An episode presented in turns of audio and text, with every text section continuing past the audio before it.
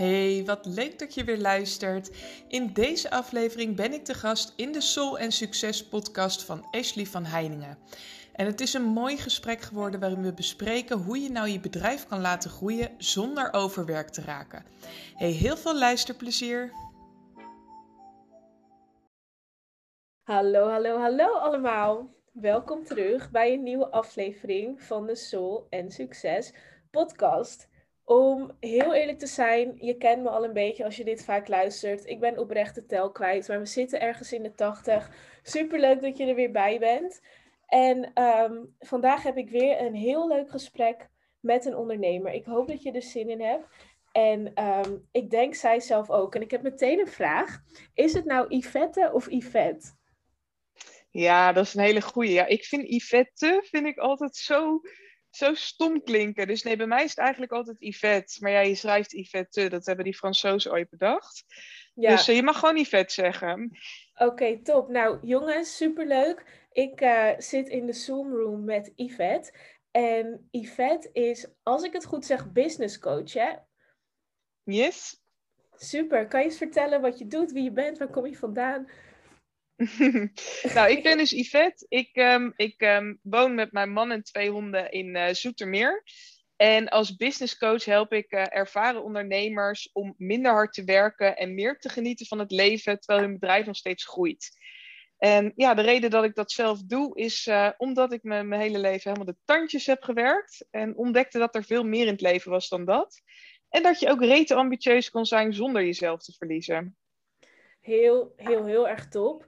Uh, tof bedoel ik. En dit is ook een reden waarom ik het zo leuk vind dat Yvette um, te gast is in deze podcast. Want het heeft heel veel raakvlakken met wat ik ook doe. En ik ben ook heel benieuwd naar haar perspectief. En ik weet echt duizend procent zeker dat iedereen die dit luistert daar ontzettend veel aan gaat hebben. Maar voordat we ingaan op wat je nu doet, kun je eens vertellen hoe je leven eruit ziet of eruit zag toen je zelf nog de pestpleuris werkte? zeker, zeker. Ja, ik noem het altijd Team Handremstuk. Um, ik denk dat er best wel wat luisteraars zijn die horen bij Team Handremstuk. En uh, mijn verhaal is dat ik op mijn zeventiende ben begonnen met werken. Ik uh, ben na het VWO gelijk gaan werken omdat ik uit huis wilde. En dat lukte ook. Alleen ik ben wel opgegroeid in een gezin waar iedereen altijd uh, heel erg hard werkte. Dus toen ik 17 was, toen ging ik dat natuurlijk doen. Hè? Heel erg hard werken. En um, ja, op mijn negentiende heb ik op een gegeven moment mijn eerste appartementje zelf gekocht. Toen was ik hypotheekadviseur. Nou, mijn carrière ging eigenlijk echt in een vogelvlucht. Maar op dat moment was het en een avondopleiding HBO en werken en een appartement verbouwen. En terugkijkend was het vooral uiteindelijk de, de enorme bewijsdrang en drang naar erkenning en waardering, waardoor ik mezelf zo de tandjes werkte. Um, en ja, ik weet eigenlijk niet, herken jij dat zelf ook? Um, ja en nee. Omdat um, ik eigenlijk al heel snel tegen de lamp liep daarin. Ik heb zelf als. Uh, ik denk dat mensen die de podcast langer luisteren, dit ook al, uh, dit verhaal al een beetje kennen.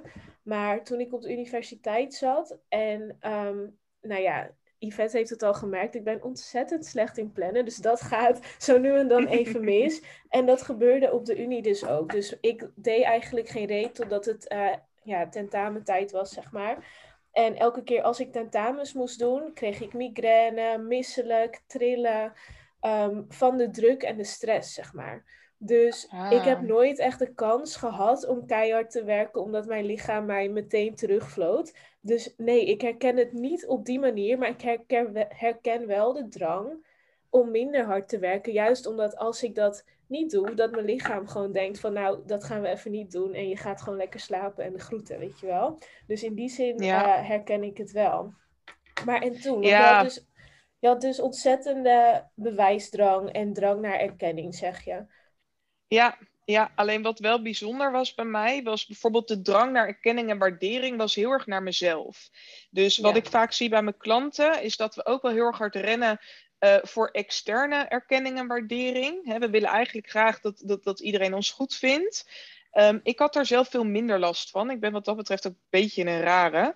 Um, bij mij was het vooral dat ik pas echt trots op mezelf kon zijn als ik iets onmogelijks had geflikt.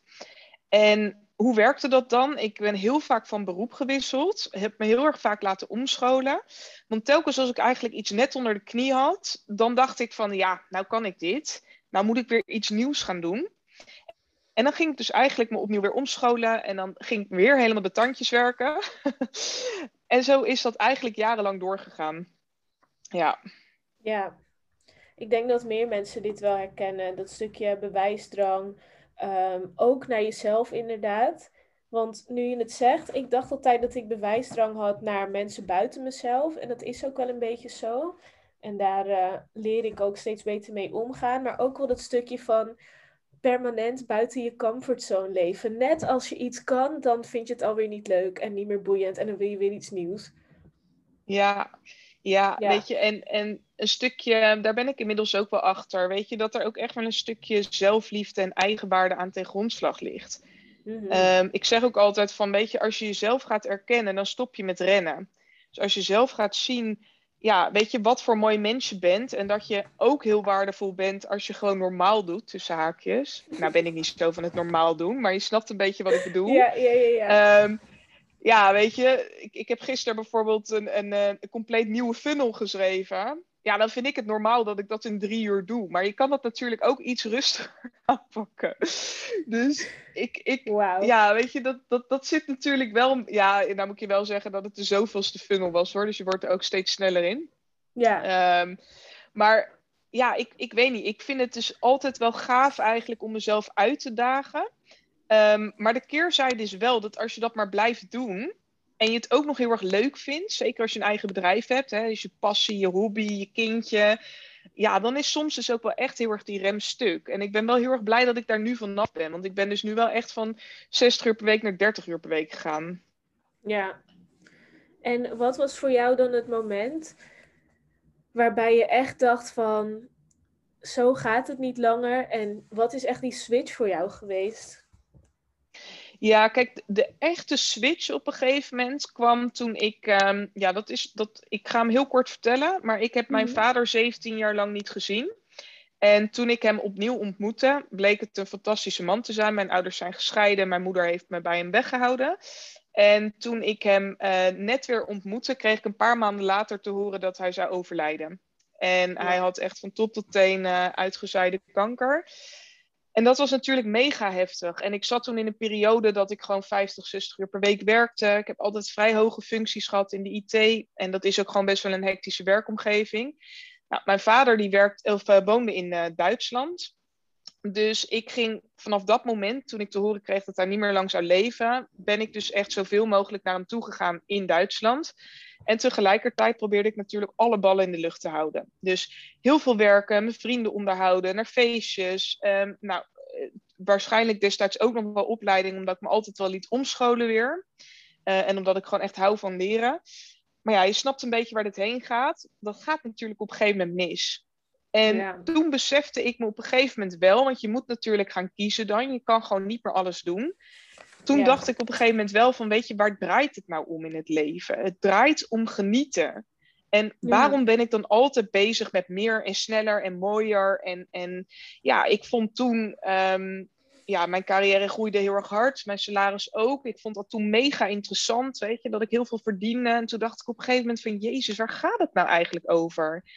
Het gaat er helemaal niet over. Het gaat gewoon om genieten. Ja. En um, vanaf dat moment ben ik dus ook echt andere keuzes gaan maken. Maar ja, jij herkent dat misschien ook wel. Het zijn wel echt diepe patronen en hele diepe overtuigingen natuurlijk die uh, vanuit vroeger komen. Dus dat is echt niet ehm, dat je dan van het een op het andere moment alles in je leven omgooit. Maar het was wel het moment dat ik echt heel goed ging nadenken bij alles wat ik deed. Van oké, is dit wel echt de goede weg die ik aan het bewandelen ben? Ja, en ik denk ook ehm, dat dit voor andere mensen ook heel herkenbaar gaat zijn. En als het niet per se is in de zin van uh, het patroon van heel erg veel werken en erachter komen dat er meer is. Er is altijd voor iemand wel een bepaalde switch die je graag wil maken. En wat ik jou heel graag wil vragen, Yvette, is het volgende. Want je zegt eigenlijk van, oké, die switch maken gaat niet van de een op de andere dag. En het is echt een kwestie van nieuwe keuzes gaan maken. Hoe was het voor mhm. jou om eigenlijk die twee hoe ik het even zie, hè, moet je maar zeggen of het klopt, hè, maar een beetje twee wereldbeelden. Aan de ene kant nog dat idee van, hé, hey, ik vind dat carrière vind ik heel interessant, dat geld vind ik interessant. En aan de andere kant erachter komen van, hé, hey, dit is eigenlijk helemaal niet anders en ik mag andere keuzes maken. Wat ik merk bij mezelf in ieder geval, is dat die, twee beelden, en waar het dan ook, om, ook om gaat, dat die een beetje kunnen wrijven met elkaar. Van je wil het ene, maar je doet nog het ander. Want is dat iets wat je herkent? Ja, zeker, zeker. En ik denk ook wel dat dat doodnormaal is. Hè? Kijk, ehm, ik had het er toevallig vanmiddag nog met een klant over. Die wil haar gedrag aanpassen. En dan één dag later zegt ze van ja, kut, het is niet gelukt. Nee, lieve schat. gemiddeld, pak er gemiddeld even 66 dagen voor. Weet je, dus, dus in het begin wrijft dat altijd en schuurt dat altijd. Maar kijk, ik ben wel vanaf mijn zeventiende al heel erg hard begonnen met uh, mijn eigen persoonlijke ontwikkeling, met het verwerken van trauma's, met um, uh, me inlezen hoe je gedachten werken en emoties en overtuigingen. Dus dat was bij mij allemaal al best wel uh, bekend ja, weet je, uiteindelijk komt het er gewoon wel op neer dat je die lat naar beneden pleurt. Maar dan ook echt naar beneden pleuren. En dat gebeurde bij mij ook niet zomaar, want ik beukte mezelf bijna een burn-out in. Um, mijn hoofd deed prima, mijn lichaam niet meer. Dus ik had zoveel pijn in mijn rug dat ik uh, niet eens meer kon zitten. Nou, beeld het je even voor dat ik dan lig op de bank en dat ik dan nog steeds met mijn telefoon allerlei mailtjes zit te beantwoorden. Nou, zo oh ging het. Weet je, dus, dus Um, op een gegeven moment, dat is wel een hele belangrijke. Kijk, en, en die herken je misschien zelf ook wel. Als jouw lichaam gaat fluisteren en je negeert dat, dan gaat je lichaam schreeuwen. Ja. Dus de truc is op een gegeven moment om naar dat fluisteren te luisteren. En bij mij is het, ja, ik ga altijd van de hak op de tak, maar bij mij is het dus precies andersom. Ik ben al sinds mijn vijftiende uh, chronisch ziek. Ik ben daar wel heel erg hard mee bezig. Um, maar ik ben dus ook gaan doorbeuken op adrenaline. Dus waar jij bijvoorbeeld je rust pakt, uh, kan ik prima doorbeuken op adrenaline. Maar je raadt het al, daar word je eigenlijk alleen maar zieker van. Dus op een gegeven moment was het wel een samenloop van omstandigheden. Uh, dat ik nog meer last had van chronische pijn. Dat ik nog meer merkte uh, dat mijn hoofd overliep. Dat ik minder goed ging slapen. Nou, dat in combinatie met natuurlijk de pijnlijke waarheid dat je iemand gaat verliezen van wie je houdt. En dat je je echt gaat afvragen waar draait het nou om in het leven. En op een gegeven moment gaan wel al die radertjes zeg maar in elkaar draaien. En dan, mhm. ja, weet je, je moet, je moet gewoon hard tegen de muur aanlopen op een gegeven moment. Wil je, wil je echt gaan veranderen, helaas. Ja, dat heb ik ook wel gemerkt. De nood moet echt heel hoog zijn wil je ook daadwerkelijk de wilskracht ergens toch wel vandaan halen om uh, je patronen te doorbreken. En in die zin, als ik het ook zo hardop uitspreek, zijn eigenlijk al die dingen die heel kut gaan af en toe, ook wel een soort van cadeautjes. En een soort van echte wake-up call van, hey, hallo, I'm knocking on your door, ga je iets mee doen? Ja, ja kijk, weet je, um, dat zeg ik ook, ja, dat zeg ik ook altijd tegen mijn klanten. Kijk, je gaat alleen shit doen die fucking moeilijk is. Als de pijn of het verlangen groot genoeg is. En zolang jij jezelf blijft vertellen van, oh, het valt wel mee, het valt wel mee. En weet je, pijn in je kop en je denkt van, nou, ik knal er maar een uh, ibuprofennetje in en dan is die hoofdpijn weer weg. Weet je, het, het, het is heel logisch. Um, maar op een gegeven moment gaat dat gewoon mis. En ja, zeker als je natuurlijk niet zo'n hele beste gezondheid hebt, ga je dat op een gegeven moment wel echt, echt merken aan je lijf. En dan nog heb ik, heb ik heel erg lang doorgebeukt hoor. Laat ik daar absoluut eerlijk over zijn. Mhm. Ehm, maar alles gebeurt met een reden. Ik bedoel, het is wel de reden dat ik nu ondernemers die dus tering hard groeien, letterlijk help om ervoor te zorgen dat ze niet ten onder gaan aan hun eigen succes. Want wat had ik op een gegeven moment? Ik, ik, ik zeg altijd, je hebt vrijheid, geluk en succes nodig. Ik had wel succes, maar geen vrijheid en geluk. En wat heb je dan? Dan heb je een bak geld. Weet je, dan heb je niet eens succes. En juist doordat ik dat zelf allemaal heb meegemaakt, kan ik daar nu ook weer zo goed andere mensen bij helpen. Dus ik geloof zo blind dat alles in het leven gebeurt met een reden. Ja, en dat geeft me ook altijd rust, wat er ook gebeurt. Ja, mooi. Hey, en je had het net al even over je klanten die je zegt ook heel mooi, zorgen dat je eigenlijk niet ten onder gaat aan je eigen succes. En wat je aan het begin ook zei is, ehm, ik kan het niet meer herhalen hoe jij het zei, maar het kwam erop neer van rustiger aandoen terwijl je bedrijf blijft groeien. En waar ik even benieuwd naar ben, hè, want je zegt net ook, je moet, moet die lat eigenlijk gewoon echt naar beneden pleuren. Hoe combineer je dat dan ehm, met blijven groeien als bedrijf. Want als ondernemer is dat natuurlijk, ondanks dat je heel veel andere doelen hebt, die groei van je bedrijf is gewoon bijna verslavend, als het ware. Ja. Dus hoe doe je dat? Die lat naar beneden pleuren en bepaalde successen blijven behalen. Ja, heel goed. Ja, ehm, ehm, minder werken, meer genieten. Dat is dus echt waar ik voor sta. En je kan dus tegelijkertijd je bedrijf laten groeien. Maar je voelt hem al aankomen. Dat kan natuurlijk niet zonder dat je dingen gaat veranderen.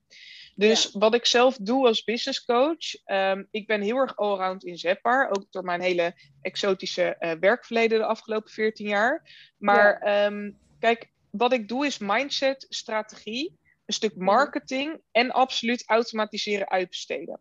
Dus ik heb zelf nagenoeg alles in mijn bedrijf geautomatiseerd, waardoor je dus op een gegeven moment veel meer tijd overhoudt. Dat is al punt 1.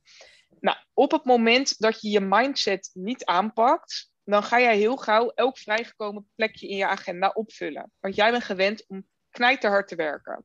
Dus je gaat niet ineens dan, als je vijf uur overhoudt, denken van, oh, ik ga vijf uur lang een boek lezen. Nee, dan ga je gewoon vijf uur lang keihard werken. Dus daarom is het ook echt een combinatie dat je dus en gaat zorgen dat je erachter komt waarom je zo erg hard werkt. Daar zitten altijd overtuigingen onder. Nou, die mhm. moet je gaan doorbreken. Tegelijkertijd wil je dus gaan kijken van hoe kan ik nou efficiënter en productiever werken. Uh, waarbij ik dus een groot voorstander ben. Uh, dat past ook bij mijn doelgroep. Mijn doelgroep uh, zijn, zijn echt wel ervaren, succesvolle ondernemers. Ook hele ambitieuze starters. Maar vooral zeg maar ondernemers die nou ja, meer dan 50k of meer dan 70k omzet draaien. Mm -hmm. kijk, op een gegeven moment moet je dan leren loslaten.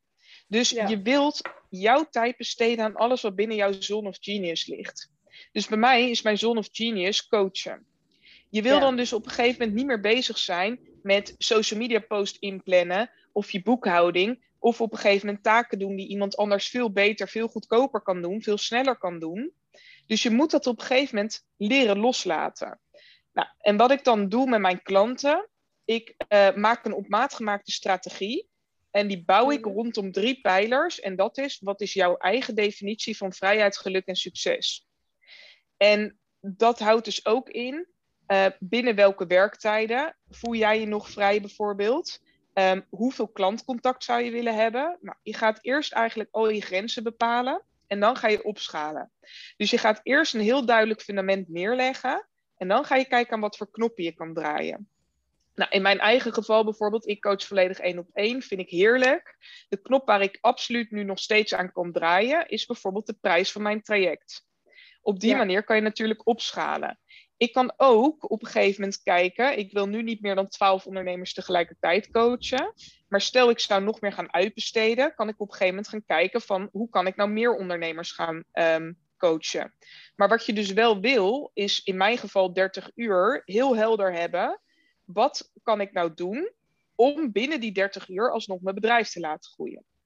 En voor iedereen geldt natuurlijk een andere definitie van vrijheid, geluk en succes. Hè, 30 uur voor mij is misschien 50 uur voor een ander, of misschien 10 uur voor een ander. Ja.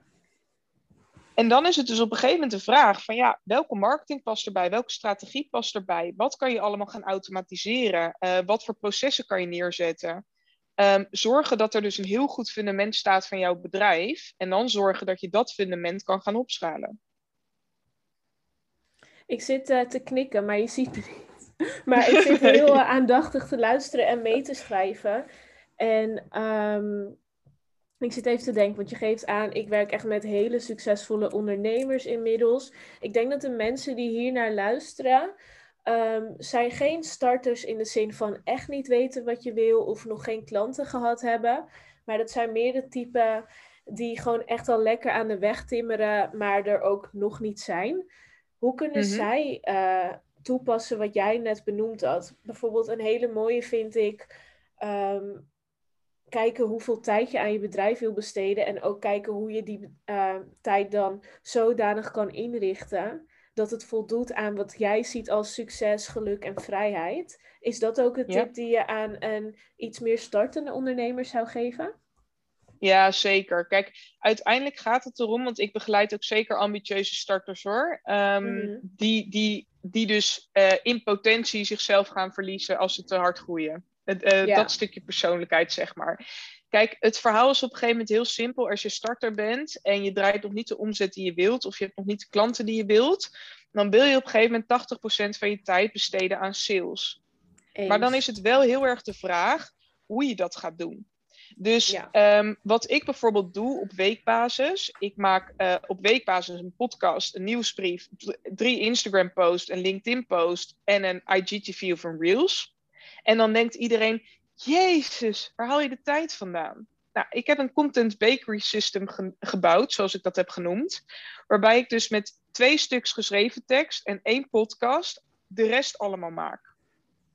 Dus je moet op een gegeven moment gaan kijken, ook als je starter bent, hoe eerder je daarmee begint, hoe beter. Ehm, hoe kan ik mijn tijd zo efficiënt mogelijk indelen? Dus dat betekent, als je bijvoorbeeld content maakt, dat je dat gaat batchen.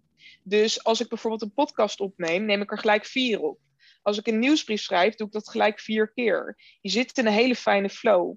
Nou, en vervolgens heb ik een systeem gebouwd waarbij ik bijvoorbeeld van mijn podcast een Instagram post maak, van mijn Instagram post een LinkedIn post. En um, op een gegeven moment van um, bijvoorbeeld een, uh, een nieuwsbrief weer gebruik als inspiratie voor mijn Reels of voor mijn IGTV. Dus op slimme manieren gaan kijken, zeg maar, uh, hoe je zoveel mogelijk impact kan maken in zo min mogelijk tijd. Zorgt er dus eigenlijk voor dat jij ook echt die 80% aan sales kan besteden. Um, en dan ook op een hele efficiënte manier eigenlijk. Ja, ik vind het heel tof dat je dit zegt, omdat ik vind dat um, beide dingen die jij net genoemd hebt, voor mijn gevoel in um, de wereld van een beetje opbouwende ondernemers zijn, dus echt nog die starters, dat daar niet genoeg over gepraat wordt. Het is zo zonde als jij nog niet het aantal klanten hebt dat je wil om ook maar één seconde bij, bij wijze van te besteden aan niet sales doen. En even los van ehm, hoe lang dat dan zou duren in de week, want dat moet iedereen zelf bepalen. Um, vind ik het wel heel mooi dat je dat zegt. Want heel veel mensen hebben het idee van, joh, als ik maar uh, zichtbaar ben, of als ik maar dit, of als ik maar dat. Maar nee, ga echt sales doen. Ga mensen benaderen en zorg dat het daadwerkelijk de tijd die je erin hebt gestoken, dat dat iets oplevert. Um, ja. En inderdaad, als je veel zichtbaar wil zijn, wat absoluut geen slecht idee is, kijk dan inderdaad, inderdaad naar hoe je dat proces ook efficiënt kan maken. En ik zou eigenlijk iedereen ook aanraden, als we het toch over automatiseren en uh, procesmatig alles goed uh, hebben. Kijk ook eens naar hoe jij je klanten bedient. En wat is daarin wat elke keer terugkomt? Welk mailtje moet je elke keer opnieuw naar een klant sturen? Kan je daar een template van maken? Of kan je het in een omgeving gieten waarbij je alleen een inlogcode hoeft te sturen? En dat hoeft niet iets heel technisch te zijn. Ik heb het voor mijn klanten in Notion. Ken je die app? Ja, oh, ik ben echt Notion-fan. Nou, ik ben ook ja. obsessed en verliefd en alles eromheen uh, met Notion. En ik heb daar gewoon een... Uh, um, ja, een pagina aangemaakt met gewoon alles waar mijn klanten doorheen moeten. En als ik iemand uh, wil toevoegen, dan dupliceer ik hem gewoon. Is niet het meest efficiënte, maar wel kostenbesparend op dit moment. En dan dupliceer ik hem, stuur ik gewoon een linkje. Hier kun je alles vinden, hier kun je dingen uploaden. En nu is het mailverkeer tussen mij en mijn klanten nagenoeg weg. Dus ook als je opbouwend bent, kun je ook al aan dat soort dingen gaan werken om in, ja, die tijd te besparen en jezelf niet de hele tijd uh, dat je steeds hetzelfde taakje moet doen, wat gewoon tijd kost. Ja, ja kijk, weet je, er, er spelen twee dingen mee. Kijk, um, ik word zelf gecoacht door Tineke Zwart, één op één. Nou, dat is mhm. echt, uh, zij coacht me nu sinds oktober en sinds uh, vorige week één op één. Daarvoor in groepsprogramma's. En Tineke is fantastisch. Die draait uh, mega veel omzet in heel weinig werken. Dus zij is ook echt, echt mijn grootste inspiratiebron. Uh, Ik geloof dat ze gisteren zei dat ze uh, in haar IGTV dat ze deze maand de 90k aantrekt. Um, terwijl ze bijna een lege agenda heeft. Ja, dat is natuurlijk fantastisch. Um, wat Tineke altijd heeft gezegd tegen mij, en tegen een heleboel anderen ook, die heeft ook een hele toffe podcast, is van joh, uh, ga je nou eens gedragen als de ondernemer die je wilt zijn. Hè, dus stap ook echt in de identiteit van de ondernemer die je wilt zijn. Dus dat is misschien wel de ondernemer die al hè, uh, voor een starter bijvoorbeeld 50k draait of 100k draait of misschien een miljoen draait. Dat maakt allemaal niet uit. En mhm. hoe, hoe zou je dan op dat moment willen handelen? Nou, dat heb ik vanaf het begin af aan gedaan. Want um, ik ben vorig jaar begonnen met ondernemen. Toen heb ik in januari een sessie gehad met Veronique Prins. Ehm, mhm. Dat was de voormalig business coach van Tineke. Het is een sessie van 2,5 uur voor een speciale actie voor het goede doel, want zij doet dat nooit één op één. Nou, toen heb ik dus in januari kwam ik erachter dat ik veel liever ondernemers coach. Toen ben ik dus begonnen, ik heb van de een op de andere dag mijn bedrijf omgegooid. Toen ben ik begonnen met een pilot van 250 euro. Inmiddels is mijn traject 3000 euro. Nou, dat is natuurlijk in een half jaar tijd gigantisch hard gegroeid. Maar wat ik dus vanaf het begin af aan heb gedaan, uh, toen ik mijn bedrijf startte, ben ik dus al direct door Tineke ook gecoacht en ben ik dus in die identiteit gestapt van oké, hoe zou ik met dingen omgaan uh, op het moment dat ik daar al zou zijn. Nou, bij mij was dat bijvoorbeeld, ik wil het hele onboardingproces van een nieuwe klant geautomatiseerd hebben.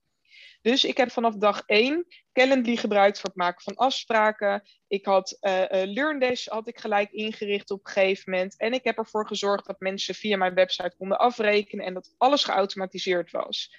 Nou, je hebt natuurlijk ballen nodig om te investeren. Je hebt dat geld natuurlijk ook nodig. Ehm, ik, ik, was, ik zat zelf in een fijne financiële positie uh, toen ik startte als ondernemer. Geldt natuurlijk ook niet voor iedereen.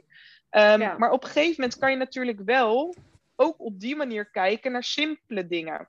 Dus al is het maar opschrijven bijvoorbeeld van joh, welke stappen doorloop ik allemaal als ik iets zet op Instagram? Waar zitten dan mijn tijd en energielekken? Hoe kan ik dat bijvoorbeeld gaan automatiseren met een gratis toeltje zoals Planoly of Later, Buffer, maakt allemaal niet uit, of gewoon Facebook mhm. Creator Studio. Dus eigenlijk voor jezelf ook inzichtelijk maken vanaf een heel vroeg stadium. Welke taken doe ik nou heel vaak? En wat voor systeempjes, wat voor processen kan ik daar alvast omheen gaan bedenken? En op een gegeven moment kom je in een situatie dat je dan misschien wel zo'n heel onboardingproces kan uh, uh, automatiseren. Weet je, dat je een webshopje maakt en dat je daar, nou ja, dat je dat helemaal als een treintje op een gegeven moment neer hebt staan. En ja. ik wist eigenlijk vanaf het begin, ja, dat klinkt heel arrogant, ik wist vanaf het begin al dat het een succes ging worden.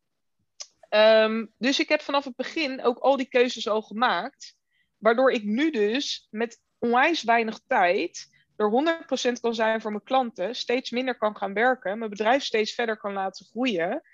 Dus dat soort keuzes maken in het begin kan best wel wat opleveren. Ook al is het tegenstrijdig, ja. hè? Ja, nee, ik, ik geloof hier ook helemaal in. En nu jij dit zegt, um, dat is ook hoe ik handel. Misschien nog niet 100%. En ik denk ook dat, zeker als je in de opbouwende fase bent, dat je daar nog absoluut ontzettend veel in kan verbeteren. Maar ik heb ook altijd inderdaad, net wat je zegt, geïnvesteerd in. Kijk, Calendly is volgens mij 10 dollar per maand. Het schuift niet veel, maar daar gaat het niet om. Er zijn ook dingen die meer kosten. En als je daar gewoon mee begint, dan neem je jezelf ook zoveel serieuzer. Dus iedereen die nu ook luistert, even los van wat je doel is. Hè? Want Yvette heeft het nu over uh, heel weinig werken en uh, heel veel automatiseren. Misschien heb jij hele andere doelen of zie jij jouw succes heel anders voor je. Dat maakt niet uit. Maar het punt is meer, ga nu alvast je gedragen als degene, de ondernemer die je wil zijn. En maak keuzes vanuit waarvan jij weet dat je daar op een gegeven moment wil staan. Want dat, bij mij in ieder geval, zorgt dat er ook voor dat ik mezelf veel serieuzer neem. Heb jij dat ook gehad? Ja, absoluut. Kijk, en ik heb, ik heb echt wel hele bold moves gemaakt hoor. Want, um, maar ook vanuit het blinde vertrouwen uh, dat al mijn investeringen naar me terugkwamen. Kijk, die sessie ja. met Veronique Prins was 2.500 euro voor 2,5 uur. Nou, een heleboel mensen zullen echt denken van jij bent echt fucking gestoord. Veronique draait 2 miljoen omzet per jaar. Um, ik kon van tevoren al bedenken dat die 2,5 uur met haar één op één wat ze dus nooit doet, normaal gesproken, dat dat die 2.500 euro natuurlijk tien keer ging opleveren op een gegeven moment. En dat is dus ook zo. Weet je, ik heb alleen dit jaar al 20.000 euro geïnvesteerd in business coaching zelf. Maar dat mhm. zorgt er ook weer voor dat mijn bedrijf kan groeien. En ik zeg niet dat, dat een starter natuurlijk gelijk die bedragen moet neerleggen. Maar door het altijd maar alleen te willen doen, um, heb je dus op een gegeven moment wel, ja, loop je gewoon het risico dat dat veel meer geld kost. En er zijn ook mensen, zoals ik en jij misschien ook wel. Ik bedoel, ik begon in januari, uh, uh, toen ik ondernemers ging coachen. 250 euro vroeg ik voor vier sessies. Die mensen zijn er ook. Weet je, je hoeft niet gelijk de duurste uit de markt te pakken. Nee, uh, mensen zoals ik hadden jou in januari ook al kunnen helpen voor die 250 euro. Dus probeer op die manier ook te kijken en probeer eens het contact aan te gaan met mensen. Want iedereen start op een bepaald punt. Maar eigenlijk moet je gewoon investeren in de persoon die net wat verder is dan jij. Ja. Net als dat jij zelf ook altijd weer net wat verder bent dan jouw eigen ideale klant. Mm Nee, helemaal waar. Helemaal waar. En um, inderdaad, wat jij zegt, mijn pilot, um, die draaide ik voor 600. Hoeveel? 647 euro. Had ik een pilot mee en dan had je volgens mij negen coaching sessies. Dus ik denk vergelijkbaar eigenlijk per sessie met wat jij vroeg. En uh, nu betaal je 5.500 euro.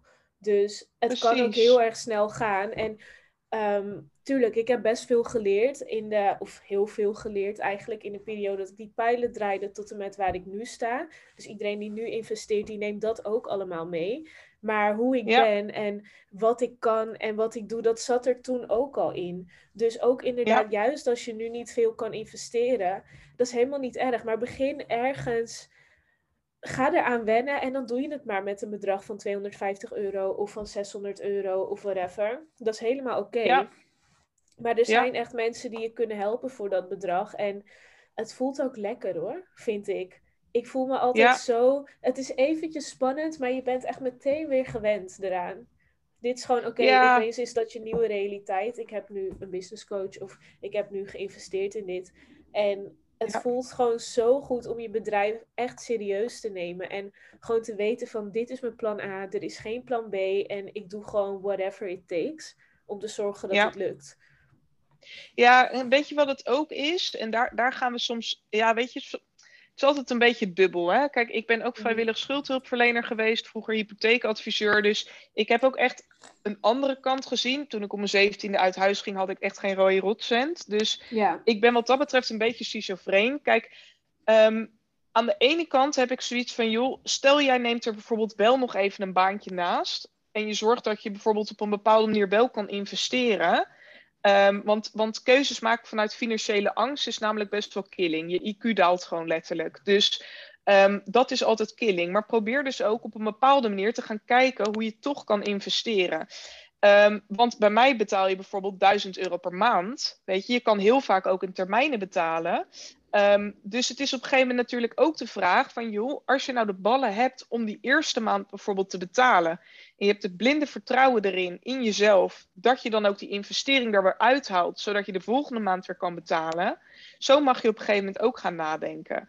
En ja. um, jij noemde net ook al even kort uh, uh, Kim Munnekom. Ja. Uh, toen, we in de, to, toen we elkaar net spraken.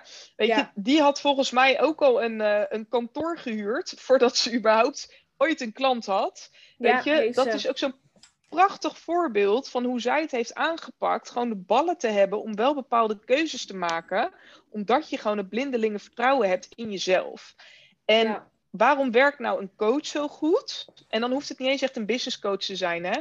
Maar je moet iemand hebben die jou groter ziet dan jijzelf. Dus ja. Tineke zegt gewoon tegen mij: Yvette, je bent gewoon op dit moment nog te goedkoop, weet je? Dus er zit rek in die prijs het is heel fijn als iemand anders dat ziet bij jou, omdat je het niet altijd zelf ziet. Weet je, en alleen daarom kan je je dus al heel erg snel, uh, uh, kan je dus ook dat soort investeringen weer terugverdienen, omdat iemand jou groter ziet dan jij jezelf ziet. Ja. En dat vind ik super waardevol. Dat is ook ontzettend waardevol. En dat, um, dat is ook waar je investe in investeert, inderdaad. In iemand die juist de mogelijkheden voor jou ziet. En in iemand die juist wanneer jij denkt, uh, gaat dat wel? Dat diegene gewoon dat helemaal een soort van samen met jou afbrokkelt. Van ja, dat gaat wel. En ja. dat je jezelf gewoon, dat heb ik ook met uh, mijn coaches, je verbaast jezelf gewoon van wat er allemaal mogelijk is voor je. En het kan dan zo snel gaan. En ik weet niet, ik hou gewoon ook van snelle groei. Ik, hoewel ik heel erg ben van tranquilo, en succes. En daar sta ik ook echt achter. Ik hou gewoon het meeste van heel tranquilo zijn en gewoon goed verdienen tegelijk. Dat vind ik gewoon het ja. meeste. ja. ja, maar ja, weet je, kijk, daar is ook helemaal niks mis mee, hè. En um, ik, ik, heb, ik heb dus ook ervaren hoe het is, want ik heb uh, nou echt heel lang uh, gemiddeld 60 uur per week gewerkt. En dat waren soms ook echt wel uitschieters naar 80 uur, 90 uur per week. Dus dat is natuurlijk gekhuis. Hoeveel dat was uur zit er überhaupt in een week, joh? Wat is dit nou weer? 90 uur? Ik ga het nu nou ja, 24 ja, nou ja, keer kijk, 7. Doe, uh, nou ja, doe 90 gedeeld door 7. Oh god, 90 gedeeld door 7. 12 uur op een dag. 13 ja, uur kijk, bijna, holy shit.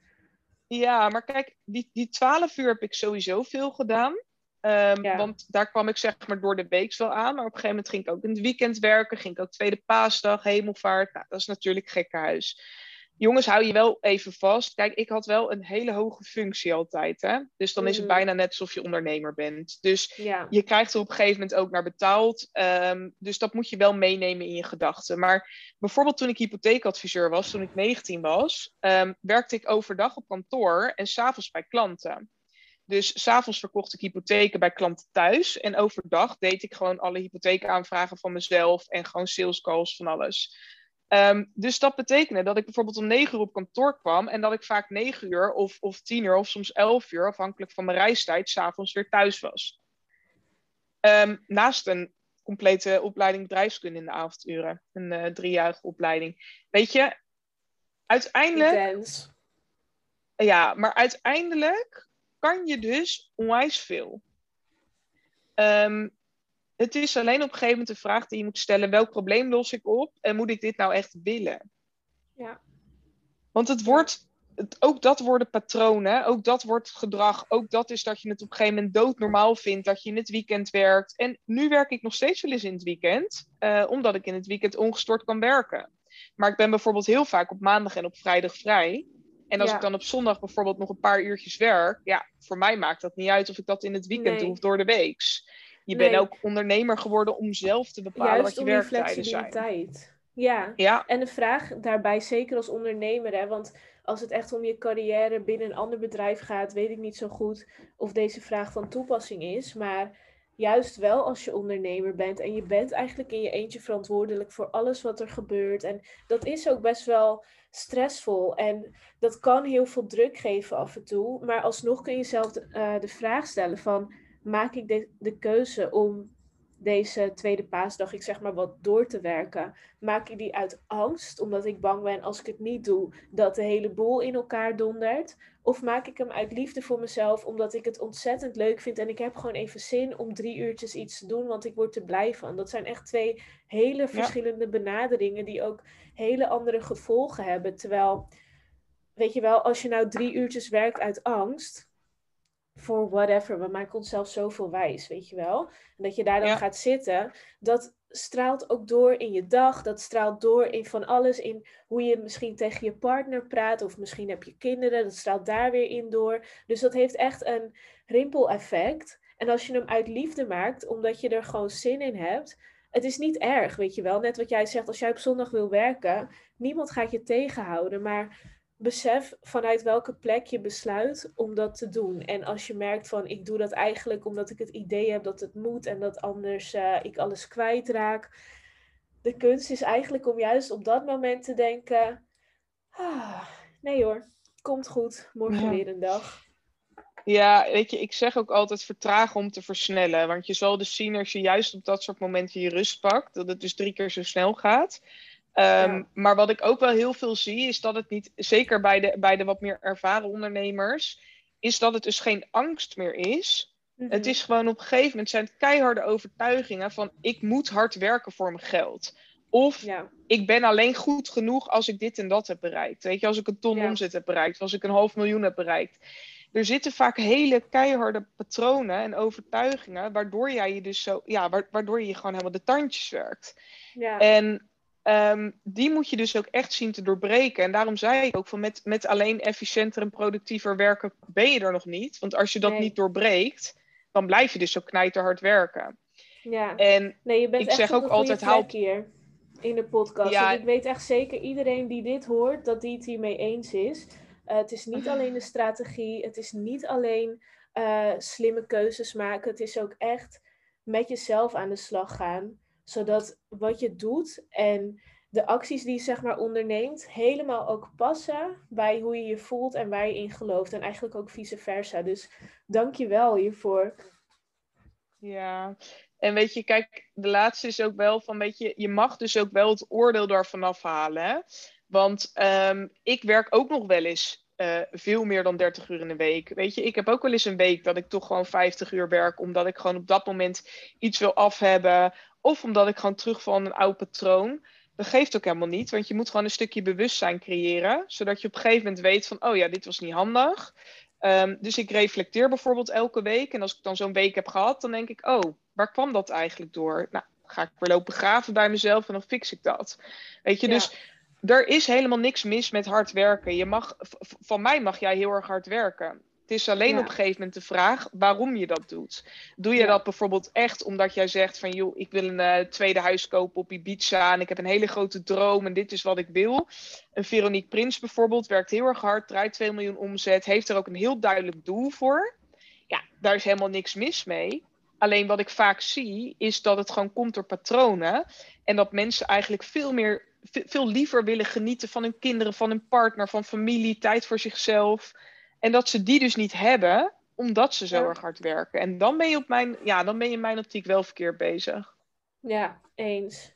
Ik zeg ook uh, eigenlijk zo'n beetje tegen iedereen uh, die ik spreek, ook mijn klanten, van Kijk, tuurlijk, een bedrijf hebben is fucking vet. En we kiezen ervoor voor een reden. We vinden het leuk om dingen te bereiken. We vinden, zijn ook helemaal niet vies ervan om daar extra voor te werken of extra hard voor te werken. Maar uiteindelijk verdien je dat geld eigenlijk allemaal omdat je in je privéleven iets wil bereiken. Tijd met je familie. Ehm, je familie ergens van kunnen ontzien. Of um, jezelf ergens van te kunnen ontzien. Het leven makkelijker te maken. Dus je moet ook zeker inderdaad, ja, net wat jij zegt, niet vergeten dat er is ook nog iets anders naast je bedrijf. En um, ja, dat eigenlijk Dat vind ik ook wel belangrijk uh, om voor mezelf uh, en voor mijn klanten te blijven onthouden. Ja, en weet je wat het ook is? Die mag echt als een tegeltje op je muur uh, als je hem voelt. Kijk, je bedrijf is een middel van, voor geluk en voldoening. En het is dus geen doel op zich. Juist. Weet je, daarom zeg ik ook, jou, jou, jouw bedrijf moet je op een gegeven moment, ja, ik, ik zeg altijd, dat moet je vrijheid, vermogen en voldoening geven. Um, heel veel ondernemers redden het niet na het eerste jaar omdat ze gewoon niks op orde hebben. Um, dat geeft ook helemaal niet, want niet iedereen is ook gewoon geboren om echt te gaan ondernemen. Sommige mensen doen het nou eenmaal beter in loondienst. Ook dat is helemaal oké. Maar je ziet op een gegeven moment ook dat er veel ondernemers zijn die bijvoorbeeld wel vermogen hebben of dus succes in hun ogen, maar niet meer vrijheid, geluk, voldoening, dat soort dingen. Dus die voelen zich ook leeg. Weet je, dan zie je gewoon je bankrekening stijgen, terwijl jij eigenlijk steeds verder aftakelt. en dan moet je ook echt. Vreselijk. Ja, maar kijk, dat gebeurt wel vaak um, als je bedrijf heel erg hard groeit. Ja. Um, ik ken bijvoorbeeld ook een dame uh, uh, met wie ik heel vaak praat. En die heeft bijvoorbeeld nu ook de stekker getrokken uit een uh, money machine madness, zoals ik het altijd noem. Kijk, mm -hmm. E-books en advertenties en online trainingen en webinars, geautomatiseerd of niet. En duizenden euro's ads erin stoppen en er dan weer tienduizenden euro's uitkrijgen. Dat is een prima strategie voor een heleboel mensen. Maar er is ook een hele grote groep mensen die die kant op is gegaan door een business coach, terwijl het helemaal niet bij ze past. En als jij de godganselijke dag bezig bent met het optimaliseren van je webinar en je landingspagina's en je funnels. En je haalt er geen voldoening uit en je ervaart geen vrijheid meer. Ja, dan zie je op een gegeven moment dat dat helemaal misgaat. Uh, Of dat mensen zelfs een burn-out krijgen. En ik help dus ondernemers met een strategie die bij hun past. Dus bij de ja. een past dat wel heel goed en kan je inderdaad eigenlijk ook als je het goed doet heel makkelijk geld verdienen. Mhm. Bij een ander die heel erg aangaat op verbinding en transformaties, die zal merken dat je op een gegeven moment, al is het na een paar jaar, helemaal leeggetrokken wordt door zo'n money machine madness. Ja. Dat het je gewoon niet die voldoening gaat geven. Nee. Weet je, en daarbij is dus ook alles oké. Bij iedereen past iets anders. Maar wat ik wel nu veel zie in de, in, in de branche, is dat er gewoon wel ja, een hoop business coaches zijn die ook hun eigen strategie natuurlijk opleggen aan anderen. Waardoor je eigenlijk het gevoel hebt dat je ook die kant op moet. Terwijl er zoveel wegen zijn die naar Rome leiden. Ja, heel grappig dat je dit zegt, want ik heb letterlijk ongeveer wat je nu zegt opgenomen in een uh, andere podcast, een solo podcast die uh, binnenkort online komt. Dus ik ben zo blij dat je erbij was. Is er nog een laatste les of iets wat je wil meegeven aan die ondernemer die de startblokken al uit is, maar echt nog wel een stuk uh, mag gaan, zeg maar. Heb je daar nog één laatste tip of les voor? Ja, als ik er, ja, ik heb er natuurlijk duizend, maar als ik er één ja, dat moet dacht kiezen, ik al. ja. Nee, als ik er één moet kiezen, en die mag ook echt, echt um, op een tegeltje aan de muur, is ga absoluut buiten je comfortzone. Ik bedoel, daar zit je groei, maar blijf ook verdomd dicht bij jezelf. Dus ga niet het pad bewandelen van iemand anders, omdat je denkt dat dat jouw pad is. Maar blijf constant intunen bij jezelf en vraag jezelf constant af: word ik hier gelukkig van? En het betekent dus ook wel eens uh, dat ik gewoon dwars tegen Tineke mijn eigen coach inga. Op het moment dat ik iets niet voel. Ja. En zij zegt altijd: ja, ik vind het zo knap dat je dat doet. Want een heleboel mensen doen dat dus niet. En dan merk je op de lange termijn dat het misgaat. Dus ontdek echt waar, waar, waar jouw hart van in de fik gaat staan. En ga dat dus ook doen. En ja, ik zei het net ook in de voorbespreking. Ik heb 100% scheid aan wat andere mensen van mij vinden. Dat um, zei je, ja. Ja, daarom zit ik inmiddels ook van top tot teen onder de tatoeages. En uh, ik, heb, ik heb eigenlijk ook overal scheid aan. Maar weet je, ga echt vinden waar jouw hart van in de fik staat. En probeer dus heel dicht bij jezelf te blijven. En laat ieders gedachte gewoon bij die ander. Je hebt er gewoon niet zo heel veel mee te maken. Jij moet zorgen dat je klanten met je weglopen. En meer dan dat hoef je niet te doen. Period. Dankjewel. Dankjewel. ik denk, ik, ik voel me helemaal geïnspireerd ook hierdoor. En ik weet zeker ook um, de mensen die luisteren. Um, ik zou bijna zeggen, luister het ook gewoon nog een keer. Want er is zoveel gezegd. En Yvette heeft gewoon zoveel te delen ik ben ontzettend blij dat je erbij was. En ik wil je heel erg bedanken ook voor al je wijsheid en je tips en je persoonlijke verhalen. En voor degene die geluisterd hebt, jou wil ik ook natuurlijk bedanken. Superleuk dat je er weer bij was. Wat Yvette en ik heel leuk zouden vinden. Als je nou iets gehad hebt aan deze aflevering, maak dan even een screenshot dat je aan het luisteren bent. Of maak een schermopname als je een van ons iets hoort zeggen en denkt van yes, dankjewel. Uh, maak even een opname post hem op je stories. En als je ons dan wilt taggen, um, Yvette heet, of, heet op Instagram de cirkel doorbreken, toch? Ja. Ja. Ja. Ik ga je sowieso even taggen in de, of uh, benoemen in de show notes, dus kijk daar vooral. En uh, tag mij, ik heet Ashley van Heiningen. En gebruik natuurlijk de hashtag 100podcast in 100 dagen. En dan help je ook andere mensen om ook zo'n parel van een aflevering uh, tegen te komen. En uh, hopelijk dat zij er ook ontzettend veel uithalen. Um, nogmaals bedankt. En um, met die woorden gaan we de aflevering afsluiten. Ik wil iedereen een hele fijne dag toewensen en tot morgen weer. Yes, dank jullie wel. Doei doei.